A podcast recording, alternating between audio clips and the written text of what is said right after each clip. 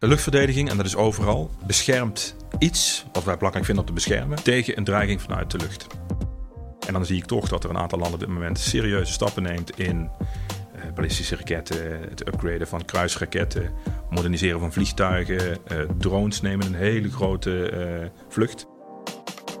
Als ergens een Patriot wordt neergezet, dan wordt dat echt wel gezien in het buitenland. Luchtverdediging doe je niet een uurtje, doet dat 24 uur per dag, 7 dagen in de week. 365 eh, dagen per jaar, dus echt langdurig. Uh, en ook onder alle weersomstandigheden. Welkom bij Mijn Missie, de wekelijkse interviewserie van Landmacht FM. Mijn naam is Patrick Regan.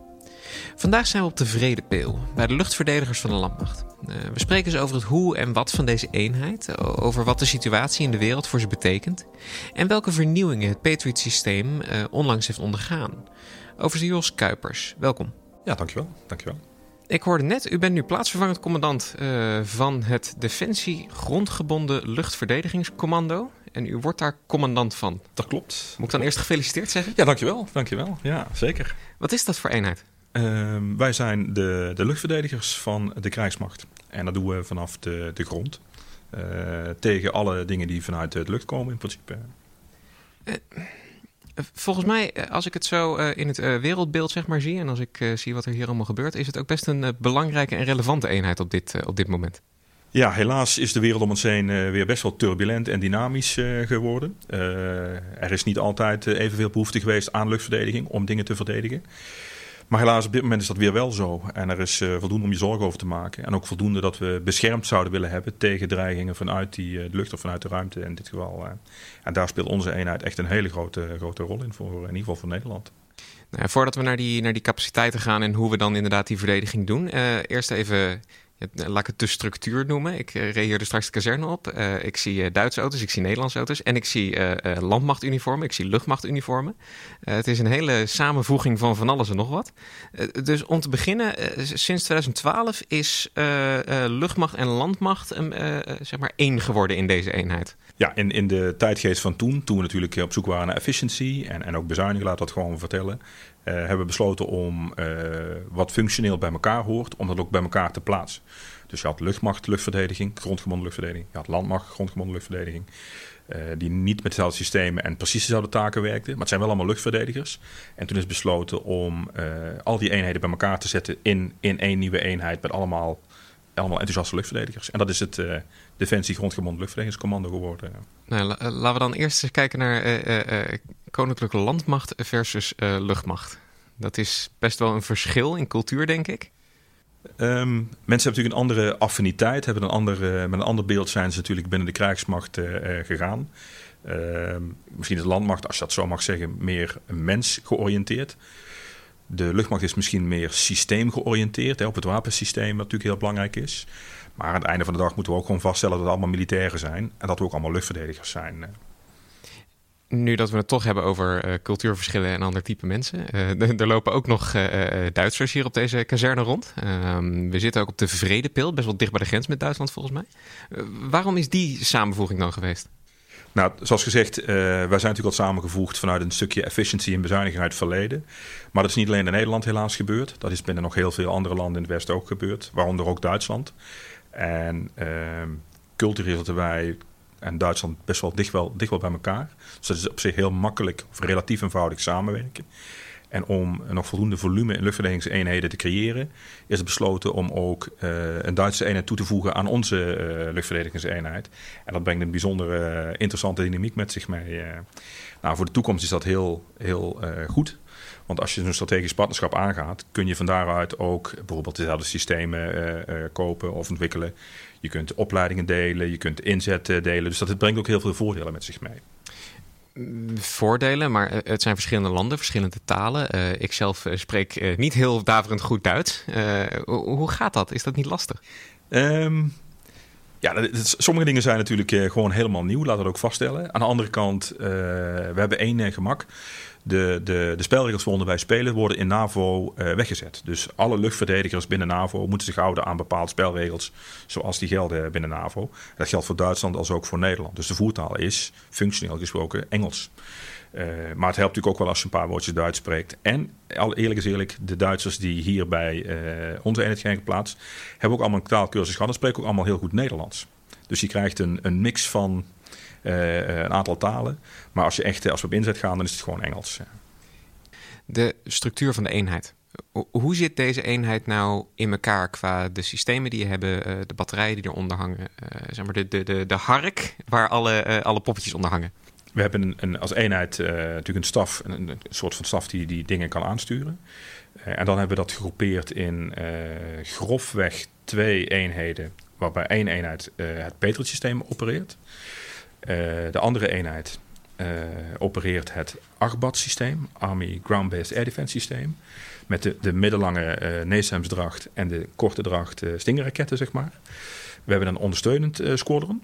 Die zorgt voor de verbindingen en voor een stukje logistieke ondersteuning. we hebben een eigen opleidingscentrum, een trainingscentrum voor het opleiden van onze eigen luchtverdedigers. En we hebben een kenniscentrum die nadenken over uh, nieuwe doctrines, tactieken, maar ook ontwikkelingen bijhouden, zodat wij ook weer relevant kunnen blijven. En, en met, met die, uh, zeg maar, en die samenstelling uh, proberen wij voor zoveel mogelijk spelers binnen Nederland en binnen NAVO en voor Duitsland relevante luchtverdediging te leveren. En hoeveel mensen zijn dat die hier rondlopen? dat zijn hier mannen en vrouwen of 700. En we hebben natuurlijk nog onze Duitse eenheid van een man of vrouw 400 in Todendorf aan de Oostzee. Want de Duitse eenheid is ondergesteld aan de Nederlandse of hoe ziet dat eruit? Dus de Duitse eenheid is gewoon een van de ondereenheden van het Defensie Grondgebonden Luchtverdedigingscommando. Zoals ook het Patriot Squadron en, en eh, de Arbats uh, dat is. En we hebben hier op de staf een aantal uh, mensen werken, Duitsers werken, die Nederlands spreken, die dat proces vergemakkelijken. Maar de eenheid zelf zit in tegenstelling tot alle andere eenheden niet hier op de kazerne. Maar die zit dus om een locatie hier een 600 kilometer vandaan aan de Oostzee. Dat is niet altijd even praktisch, maar, uh, maar goed, zo gaat dat soms. Het zijn soms wat kilometers voor u. Zeker, zeker. Ja, ja. ja. ja. Ja. ja, we, hebben het, uh, we hebben het een beetje gehad over de, de, de achtergrond en wat voor mensen hier dan rondlopen. Maar goed, uh, de, er staan hier ook heel veel systemen. Toen ik hier aankwam rijden, zag ik heel veel raketten. Ik zie hele grote vrachtwagens.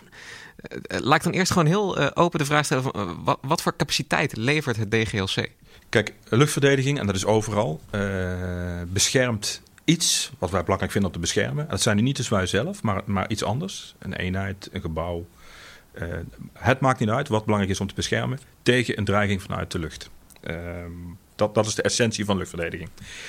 Dat, uh, dat doen wij in uh, een aantal volumes. Van heel, heel kleine volume dat we kunnen, kunnen afdekken zeg maar, tegen die dreiging, tot hele grote volumes en, en alles tussenin. Omdat niet, elk, of niet één systeem alle dreigingen kan pareren hebben we dus, eh, specifiek op de dreiging, hebben we dus uh, volumes en andere systemen daarbij georiënteerd. Dus we hebben hier een, een keur aan, aan systemen voor heel dichtbij, enkele kilometers tot uh, nou, 100 plus uh, kilometer uh, om, om, om dreigingen te, te, kunnen counteren. En de verschillende eenheden werken dus ook met die verschillende systemen in die verschillende volumes. En de term die ik daar ook bij heb gehoord is lucht- en raketverdediging. Ja, we zijn natuurlijk ooit begonnen met alleen maar uh, luchtverdediging. En je ziet dat naarmate de dreiging zich specialiseert, dat uh, raketverdediging is wel een, een specialiteit. Uh, die weer hele andere vraagstukken met zich meebrengt en die wij ook kunnen pareren. En je ziet nu als je verder gaat ook steeds meer cruise missile defense, kruisraketten. En, ook verdediging tegen drones in allerlei vormen. Dus dat zijn de nieuwste takken van sport eigenlijk, die we ook onder de luchtverdediging scharen. En hoe snel gaat dan de ontwikkeling hier? Ik denk dat er best wel veel verandert dan. De, uh, het ligt natuurlijk aan onze potentiële tegenstanders of aan, aan uh, regimes uh, die ons misschien niet zo goed gezind zijn. Om te kijken wat zij ontwikkelen en de snelheid die zij daarbij genereren. En daar moeten wij een antwoord op hebben, want wij zijn degene die daarvan moeten incasseren. Die moeten proberen daartegen te beschermen. En dan zie ik toch dat er een aantal landen op dit moment serieuze stappen neemt in ballistische raketten, het upgraden van kruisraketten, moderniseren van vliegtuigen. Uh, drones nemen een hele grote uh, vlucht, om er maar als metafoor te gebruiken. Nou, als, als die ontwikkelingen aan die kant uh, heel hard gaan, met allerlei technieken, onbemand, veel meer stand-off, dus vanaf een grotere afstand je, je systemen inzetten, dan moeten wij daarmee mee reageren. En anders ben je op een gegeven moment niet meer relevant. Bij Defensie noemen we dat dan wapenfeiten. wat heeft de eenheid gedaan, misschien de afgelopen jaren sinds die samenvoegingen? Wij hebben uh, onder andere in 2013 en 2014 hebben wij met een deeleenheid uh, met het Patriot-wapensysteem uh, in Turkije de missie Active Fence ondersteund. In dit geval was dat voor de verdediging van de miljoenenstad Adana tegen potentiële raketten die uit Syrië zouden kunnen komen in het hele Syrië-conflict. Daarnaast hebben we bijvoorbeeld ook iets als de Nuclear Security Summit, die in Noordwijk heeft plaatsgevonden in 2014. Hebben wij met, met scherpe systemen, in dit geval van het uh, uh, NASAMS systeem, een ander systeem, hebben wij daar gezorgd voor de bescherming van die, uh, van die top, voor de regeringsleiders, dat ze daar veilig konden, konden zijn. En verder hebben wij ook uh, niet-luchtverdedigingsstaken. Uh, bijvoorbeeld, we hebben op relatiebasis een eenheid die uithelpt in het Caribisch gebied. Caribisch gebiedsdelen van Nederland. Hebben we tot twee keer toe hebben daar een eenheid voor geleverd. onze Duitse eenheid, onze Duitse eenheid moet ik zeggen, zit op dit moment nog steeds in Mali. Om daar een soort van, van base defense, hè, het kamp om dat uh, van, van Sense and Warn te voorzien. Zodat ze kunnen gewaarschuwd worden tegen inkomende artillerie en raketten. Dat gebeurt ook. En vanaf deze week kan ik u melden dat daar ook Nederland naartoe wordt gevoegd. Dus een echte binationale missie. en dat is ongeveer wat we zo in het verleden allemaal al gedaan hebben. Er zijn NASAMS. Ik, heb, uh, ik, ik, doe soms een klein beetje onderzoek voor een interview. Dus ik heb zitten kijken van oké, wat voor uh, systemen zijn er dan? En de Patriots, dat, dat beeld ken ik. Grote vrachtwagen, grote ja. raket achterop. Daar gaan we het zo meteen nog even over hebben. Ja. Maar NASAMS en Stingers, geen idee. Uh, zoals gezegd, luchtverdediging komt in volumes. Als Patriot zeg maar de, de, de lange arm is van, van de luchtverdediging in Nederland... dan is NASAMS bezit de middenpositie eigenlijk... Uh, en de Stinger doet de, de luchtverdediging voor uh, dichterbij, tot een kilometer of nou, laten we zeggen vijf, zes uh, in die orde van grootte. En daarmee beschikt Nederland dus over op alle volumes over iets van luchtverdediging waarmee we alle dreigingen, de meeste dreigingen in ieder geval kunnen pareren. En die, die, die kleine systemen, zeg maar, hoe, hoe ziet dat eruit? Is dat één man met een, met een raket op zijn schouder? Um, nou, dat, dat kan echt uh, daadwerkelijk met een Stinger bijvoorbeeld. Zo, zo klein is die wel. Uh, maar luchtverdediging is altijd een, een systeem. Nou, klinkt een beetje technisch. Maar je hebt altijd een sensor nodig. Dat is vaak in ons geval een radar die dingen dus ziet. Uh, een effector, dat is in ons geval op dit moment allemaal, het zijn allemaal raketten met verschillende groottes en ook verschillende drachten. command and control, uh, wie moet wat wanneer doen hè, om dat aan te sturen. En de verbindingen om het signaal van die radar bij uh, de commandopost te krijgen. En vervolgens bij de raket te krijgen, zodat die raket weet waar die naartoe moet en wat die wil onderscheppen of niet. Uh, dat, dat, is, dat is altijd het systeem. En uh, dat kan heel uh, eenvoudig. Dan zit, zit alles op één platform. Bijvoorbeeld de, de persoon met zo'n stinger op zijn, uh, op zijn schouder. De persoon neemt waar, de stinger vuurt af. Ja. Dat is dus degene die besluitvorming doet. En die schiet dan die raket af. Maar het kan ook zijn dat dat verspreid is over heel veel voertuigen. Hele grote oppervlakte staat. De radar apart, de commandopost apart, de, de lanceerinrichting apart. Dat kan ook. Dus je hebt, je hebt alle variaties. En die, die NASAMS die hebben dan ondersteund bij de Nuclear Security Summit. Ja. Um, voor mijn beeldvorming, dan wordt er een gebied verdedigd van, wat zal het zijn, een vierkante kilometer misschien? Is het dan één systeem wat daar staat of hoe, hoe ziet dat eruit? Nee, het is wel meer. Dus je, uh, je rekent uit van de dreiging. Op, welke afstanden wordt, wordt wat voor middel ingezet. En dan ga je kijken, wat heb ik dan nodig, zodat dat tijdig het ding wat ik, het object wat ik, wat ik bescherm, in dit geval zo'n zo'n zo'n conferentiecentrum, dat daar dus geen uh, bommen of vliegtuigen of, of wat de dreiging ook mag zijn, dat die daar niet terecht kunnen komen. En dat betekent dat je dus uh, al naar gelang je systemen wat verder uit elkaar moet zetten of meer naar voren, of meer systemen in moet zetten. Dus we doen altijd berekenen altijd vanuit de dreiging, zodat we uh, weten wat we dan daarvoor nodig hebben om dat veilig te maken. En dat kan dus, het is dus per casus verschillend. Een Patriot systeem, of althans een, een groep Patriots, heet een batterij. Waarom is dat? Nou, dat zijn een beetje uh, van oorsprong uit traditionele namen. Heel veel van die namen komen over de tijd van Napoleon, uh, inclusief de rangen die wij dragen. En uh, dat, dat helpt om in de communicatie om te, om te weten wat dat dan is. Dus bijvoorbeeld een, een, een sensor met een standaard CP en een aantal raketten. Bij elkaar zo'n eenheid noemen we dan bijvoorbeeld een, een, een battery. Uh, dan, dan weet iedereen, oh, daar hebben we het over. Dat helpt gewoon in, de, zeg maar in, het, in het werkjargon. Dus een batterij is eigenlijk voor Patriots alles wat je nodig hebt om het systeem werkend op een plek te krijgen. Ja, één, één werkbare eenheid. Ja, ja. ja. Oké. Okay. Um, die, die, die Patriot, wat kan dat systeem? Nou, afstanden, daarover internet is daar van alles van te vinden. Ik ga niet hier vertellen wat dat afstand precies is. Maar het is echt substantiële grote afstanden. Dat geldt zowel voor de sensor, hoe ver die kan kijken. Als ook voor de raket, hoe ver die kan onderscheppen voor die dingen die die moet doen. En dan praat je over een, een hele brede dreiging. Dat kan zijn vliegtuigen, helis, kruisraketten, wat grotere drones. Maar ook ballistische raketten. niet niet de, de, hele grote intercontinentale, maar wel de, de, de, de kortere medium range afstand raketten. Dat, dat zijn echt wel allemaal wel doelen die zo'n Patriot aan kan. Nou valt deze podcast onder Landmacht FM. Wij zijn de Landmacht. Ik heb ook een Landmacht er tegenover me. Hier verderop is vliegbasis Volkel. Daar komt binnenkort, staat misschien zelfs al een F-35. Er zijn net vliegtuigen, Patriots. Ja. Wie wint er? Um, ja, dat kun je natuurlijk niet zo zeggen. Neem een uh, schaakbord.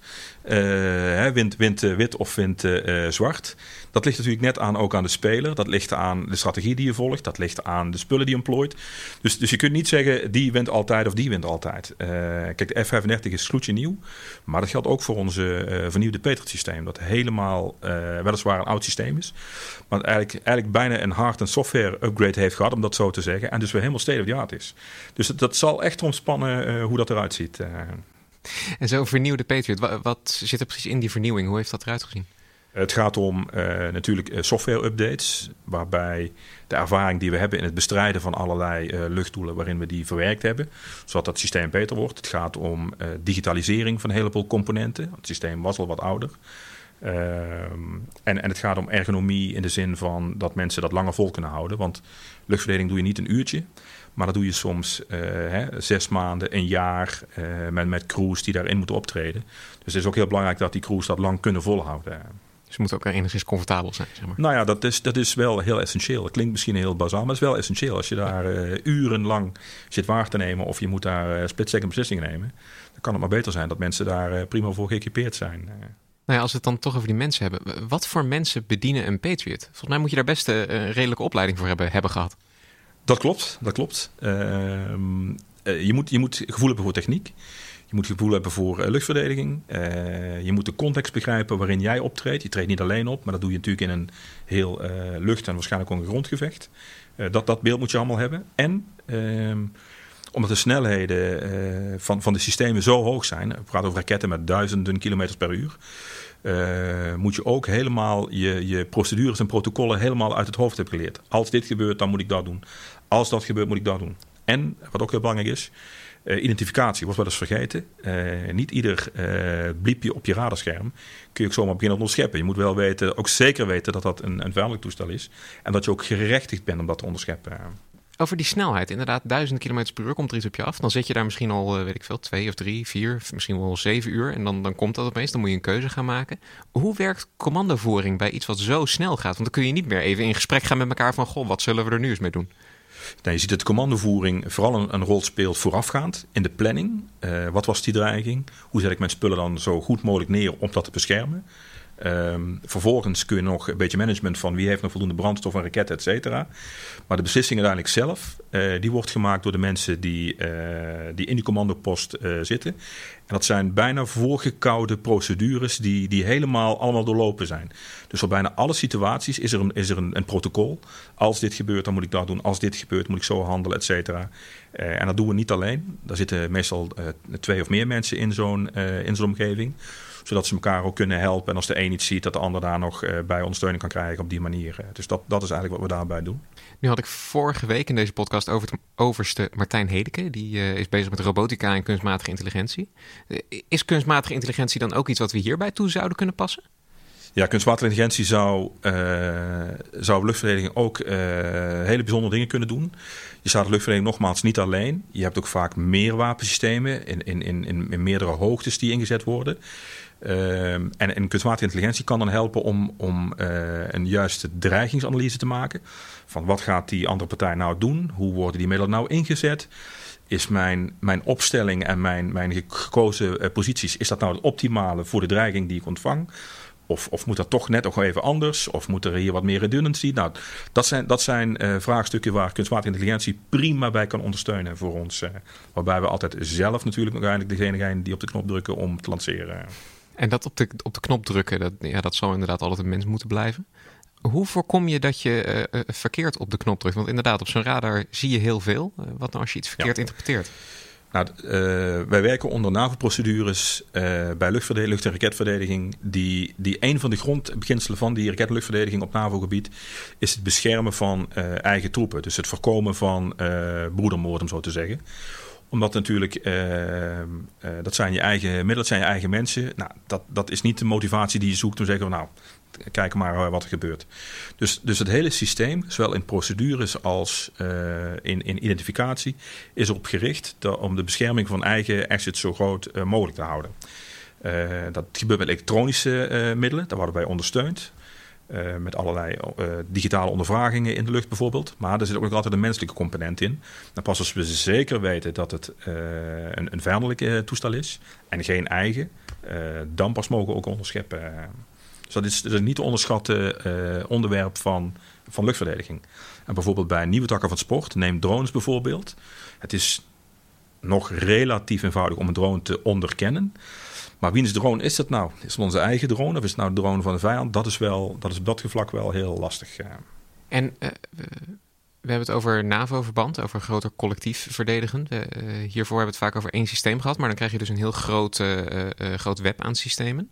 Hoe, hoe moet ik dat zien? Want ik, ik neem aan dat dan ook marine een rol gaat spelen, dat er allerlei verschillende entiteiten bij elkaar komen om bijvoorbeeld in Oost-Europa te beschermen. Ja, dat, dat, dat is misschien wel even kort en goed om uit te leggen. Dus je hebt, wij zijn grondgebonden luchtverdediging. Luchtverdediging die we vanaf de grond doen. Maar je kunt luchtverdediging ook prima vanaf een schip doen. Ehm, daar hebben we ook hele capabele systemen voor. Je kunt luchtverdediging ook prima vanuit de lucht doen met vliegtuigen. Uh, alleen ieder heeft zijn eigen uh, specialiteit, zijn eigen, zijn eigen uh, dingen waar hij goed in is en waar hij minder goed in is. Hè. Je kunt je voorstellen, een vliegtuig kan een heel groot gebied overzien, alleen kan dat niet heel lang volhouden. Wij kunnen dat weer langer doen, maar wij zijn niet zo, wij zijn niet opeens weer op een ander gebied. We staan namelijk hier en kunnen niet zomaar weer daar naartoe. Dus ieder heeft zijn eigen, ehm, zijn eigen sterke punten en zijn minder sterke punten. Dat geldt ook voor de systemen onderling. Dit systeem is beter geschikt om drones te onderscheppen. Dat systeem is veel beter om ballistische raketten te onderscheppen. Dus uh, in multinationaal verband uh, kijkt ook de NAVO wat is die dreiging. Welke systemen heb ik dan daarvoor nodig? Welke landen hebben die systemen? En dan moet er eigenlijk een soort van uh, luchtverdedigingsdesign worden gemaakt. Om te kijken, oké, okay, als dat de dreiging was, en die landen hebben die spullen, gaan we die vragen. En dan moet dat in een heel complex uh, netwerk uh, waarbij wij ook nog kunnen ingrijpen, moet dat worden opgebouwd. Dat is, dat is niet makkelijk. En dat maakt ook echt de luchtverdediger de specialist die die moet zijn. En ook de, nou, ik zeg bijna de vakidioot die die moet zijn. Hè. Dat, wat die ook is. Eerder dit jaar um, is de VS met steun van NAVO-bondgenoten uit het, en nu ga ik hem goed zeggen, Intermediate Range Nuclear Forces verdrag gestapt. Um, dit verdrag stamt uit de jaren 80 en maakte voor beide landen, dus voor Rusland en, uh, uh, en zeg maar het NAVO-bondgenootschap, een einde aan middellange afstandsraketsystemen. reden dat de VS het verdrag opzegde was vanwege de Russische ontplooiing van SSC-8-systemen. Uh, waardoor het land zich eigenlijk niet meer aan het verdrag hield.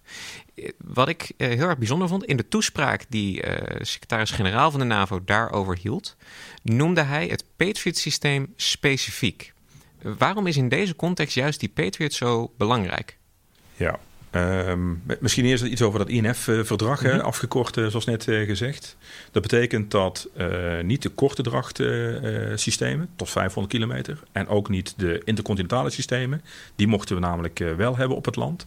Maar er was afgesproken vanuit de Koude Oorlog dat we dat hele middenstuk, en als je kijkt naar de geografie van Europa en, en dat bereik van 500 tot 5500, dan ligt eigenlijk heel West- en ook heel Oost-Europa en een stukje van Rusland lag in dat gebied.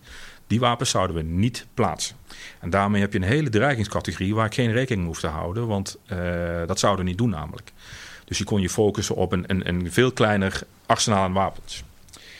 Dat verdrag is nu helaas uh, uh, opgezegd.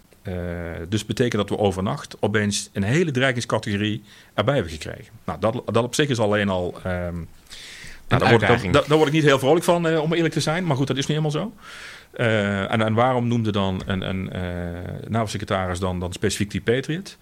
Uh, wij zijn als Nederland de, na de VS de, de, de tweede Patriot-user in de wereld. We hebben dat systeem al sinds eind jaren 80.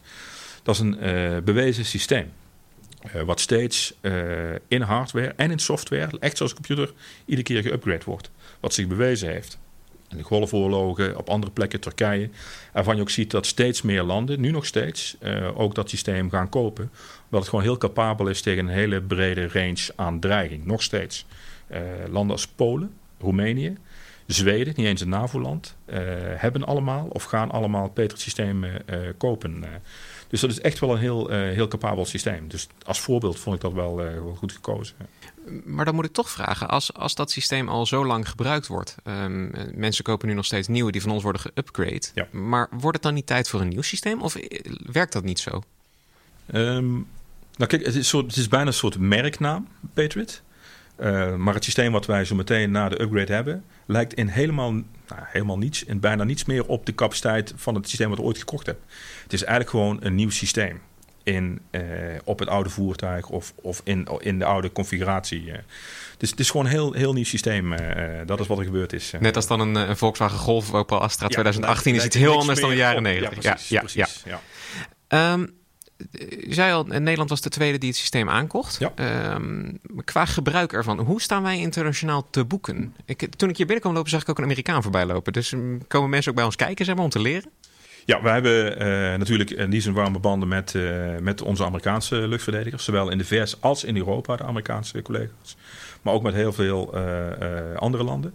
Ehm, ik merk als wij internationale beoefening gaan, dit jaar nog, nog een paar keer gedaan, dat onze bijdrage altijd gewaardeerd wordt en dat onze kennis ook wel echt gevraagd wordt. We hebben één eenheid grondgebonden luchtverdediging, dus dat lastig om te, om te, zeggen hoe goed je dan bent. Hè. En het is misschien ook niet aan mij. Maar ik krijg in ieder geval heel vaak terug van, van buitenlandse collega's dat ze enorm waarderen als wij meedoen. En, en ook wel onze vakdeskundigheid echt wel, wel hoog inschatten. Uh, ben ik soms verbaasd over hoe hoog ze dat inschatten. dus denk van, nou, dat zullen toch wel iets goed doen, denk ik. We zijn hier echt best wel goed in, ja, maar. Ja, ja. Ja, um, ja e-, één eenheid, gedeeld met de Duitsers. Hebben wij dan genoeg om de NAVO tot op niveau te ondersteunen? Nou, la, laten we er ook gewoon heel eerlijk over zijn. Uh, kwalitatief zijn wij dus best wel uh, goed en dekken we ook alle volumes uh, af. Alleen we hebben een aantal gewoon niet voldoende om alles te beschermen. Dat is bijna ook inherent aan, aan het vak. als ik één raket heb en die vuur ik richting Europa, ja, wat ga ik dan beschermen? Eén aanvaller kan meer zeg maar in zijn vizier houden dan dat ik kan beschermen. Dus dat, dat blijft heel lastig. Maar dan nog, zeker met zo'n INF-verdrag, waardoor we overnacht opeens een hele dreigingscategorie erbij kregen die er voorheen helemaal niet was. Uh, wij zijn daartegen natuurlijk niet, niet, niet uh, meegegroeid. Dus het is wel voor Nederland en in AVO-verband wel heel erg krapjes wat we hebben aan, aan luchtverdediging. het, houdt, het houdt niet over. En dan wordt u de commandant van deze eenheid? Waar gaat het dan naartoe? En ja, misschien wel wat gaat u daaraan doen? Ik weet niet of u daar iets aan kan doen. Nou, dat betekent in ieder geval dat er... Uh, A, de, de, relevantie staat helemaal niet meer ter discussie. Dat, dat is ook uh, voor iedereen volstrekt duidelijk waarvoor we dit doen. Uh, ter bescherming van, van derden, van anderen die op ons rekenen. Dus dat ligt voor ons een hele grote verantwoordelijkheid.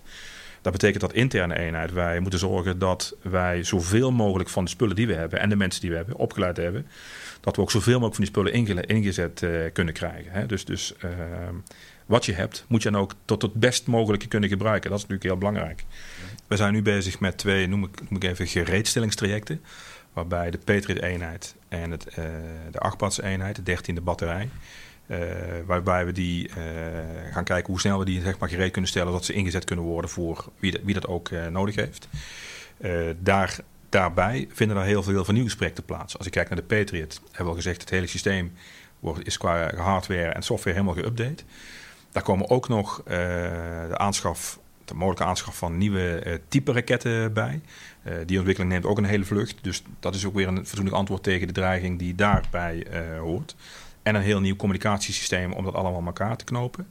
Als we kijken aan de, de achtbadzijde bij de 13e batterij dan zit er nu nog het NASAMS-systeem, heb ik eerder verteld. Uh, maar die gaat binnen nu en een aantal jaren gaan we kijken dat we daar geld voor kunnen vinden om die te vervangen door een heel nieuw systeem. Uh, wat ook weer helemaal up-to-date is dan aan de eisen die daarbij staan. We hebben al een, een klein deel, gekregen. We krijgen bijvoorbeeld een Stinger Manpad peloton. Dus dat is bedoeld voor hele mobiele dreigingen, waarbij ik niet met zware systemen kan verplaatsen. Dat zijn echt de mensen met de stingers, stingerraketten op hun schouder. Die vervolgens in hoogmobiele omgevingen, neem aan, uh, zoals luchtmobiele of mariniers optreden, die daarbij zouden kunnen ondersteunen. En we zijn ook druk bezig met een uh, counter-drone capaciteit, laat ik het even noemen, om, om die dreiging in ieder geval te blijven volgen en daar ook een poging doen dat te pareren namelijk. Omdat dat gaat, gaat echt zo snel op dit moment, daar moeten we echt iets mee gaan doen. Counter-drone capaciteit gaan we het in het nieuwe jaar in deze podcast ook nog een keer over hebben. Oké. U noemde uh, vakidioten. Uh, ik heb het gevoel dat er hier ook wel een redelijke vakidioot tegenover me zit. waarom? Wat is er dan zo bijzonder aan of zo mooi aan? Het, het is, het, is het beste van, van, van velen. Neem de eenheid. Het, is het is een eenheid voor mensen die niet kunnen kiezen. Het is land-luchtmacht. Er zitten marinemensen bij. Er zitten Nederlanders bij. Er zitten Duitsers bij. Hè? Dus als je niet kunt kiezen, dan kies je gewoon voor luchtverdediging. Dat, dat, daar zit alles in namelijk. Het is heel technisch. Maar het heeft ook uh, operationele uh, consequenties. Het is laag tactisch.